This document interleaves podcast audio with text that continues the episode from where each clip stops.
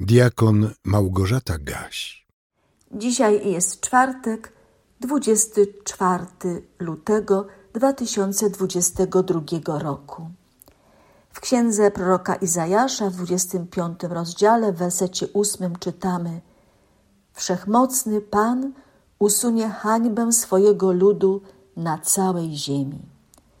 A w Ewangelii Łukasza w rozdziale pierwszym, w wersetach od 73 do 75, takie odnajdujemy słowa. Bóg przysięgę złożył Abrahamowi, ojcu naszemu, że pozwoli nam, wybawionym z ręki wrogów, bez bojaźni służyć mu w świątobliwości i sprawiedliwości przed nim po wszystkie dni nasze. Prorok Izajasz nazywany jest ewangelistą Starego Testamentu, bo wielokrotnie zapowiadał przyjście Mesjasza, Zbawiciela, jakże potrzebnego ludowi wybranemu, który od swego Boga bardzo się oddalił, nie dotrzymywał warunków przymierza, obrażał Boga swym postępowaniem, okrył się hańbą z powodu popełnianych grzechów. Zasługiwał na karę i tej kary doświadczał. Ale to nie oznacza, że Bóg o swoim ludzie zapomniał.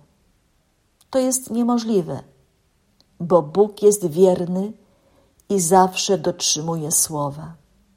Skoro dał Abrahamowi obietnice, które przeszły na następne pokolenia, to znaczy, że te obietnice kiedyś się wypełnią. Bóg mówił przez usta swoich proroków. Izajasz tak prorokował. Wszechmocny Pan zniszczy śmierć na wieki i zetrze łzę z każdego oblicza i usunie hańbę swojego ludu na całej ziemi, gdyż Pan powiedział. I będą mówić w owym dniu: Oto nasz Bóg, któremu zaufaliśmy, że nas wybawi. To Pan, któremu zaufaliśmy. Weselmy i radujmy się z Jego zbawienia. Naród izraelski przez całe wieki pogrążony był w ciemności grzechu. I tylko nieliczni członkowie tego narodu czekali z nadzieją i tęsknotą, aż wreszcie Mesjasz przyjdzie i wyzwoli ich z lęku, z poczucia beznadziejności. Werset z Ewangelii Łukasza, który przed chwilą usłyszeliśmy, to tylko krótki fragment z hymnu kapłana Zachariasza, ojca Jana Chrzciciela, tego, który zapowiadał bliskie nadejście Mesjasza. Zachariasz tak prorokował.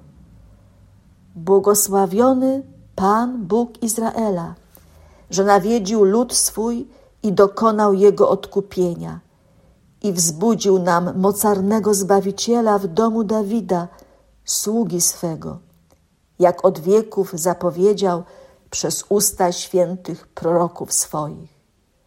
Wybawienie od wrogów naszych i z ręki wszystkich, którzy nas nienawidzą, litując się nad ojcami naszymi, pomny na święte przymierze swoje i na przysięgę, którą złożył Abrahamowi, ojcu naszemu, że pozwoli nam, wybawionym z ręki wrogów, bez bojaźni służyć mu w świątobliwości i sprawiedliwości przed nim po wszystkie dni nasze.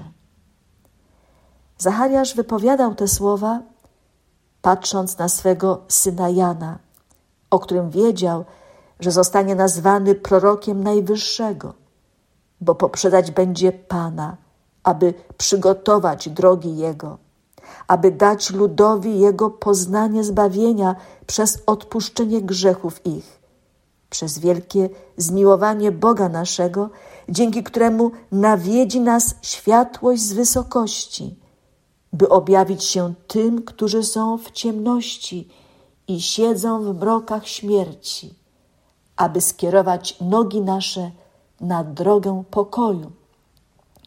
I tak się stało, jak prorokował kapłan Zachariasz, napełniony Duchem Świętym.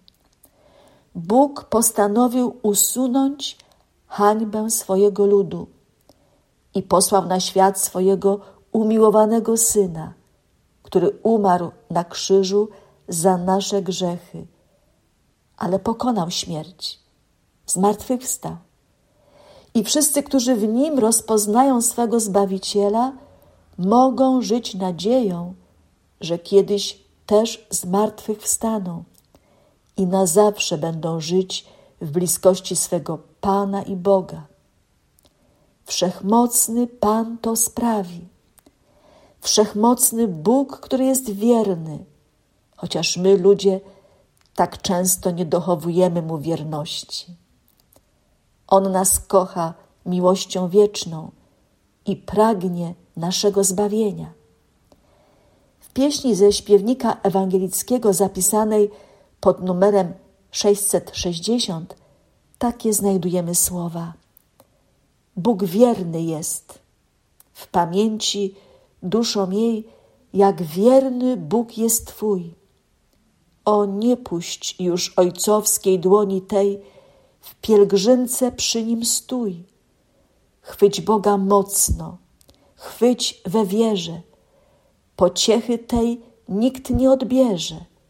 Bóg wierny jest, Bóg wierny jest. A Bóg nadziei niechaj was napełni wszelką radością i pokojem w wierze, abyście obfitowali w nadzieję przez moc Ducha Świętego. Amen. Więcej materiałów na www.trojca.waw.pl